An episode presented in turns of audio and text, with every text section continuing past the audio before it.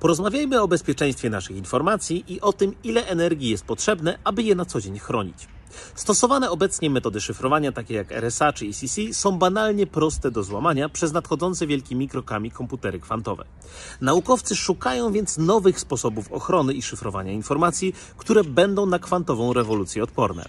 Metody te nazywane są PQC, co jest skrótem od Post Quantum Kryptografii, czyli po naszemu kryptografią pokwantową. Po przeprowadzeniu badań i testów okazało się, że te nowocześniejsze metody takie jak Dilithium czy Kyber są nie tylko na kwantowe komputery odporne, ale również są bardziej wydajne i potrzebują mniej energii niż metody używane obecnie. W szczególności porównując je do znanego chyba wszystkim TLS-a, którego zostawiają w tyle pod każdym względem. Jest to na pewno spore zaskoczenie, bo wychodzi na to, że jednak można zjeść ciastko i mieć ciastko. Pozostaje tylko czekać na czas, kiedy komputery kwantowe wejdą do powszechnego użytku. No i PQC też.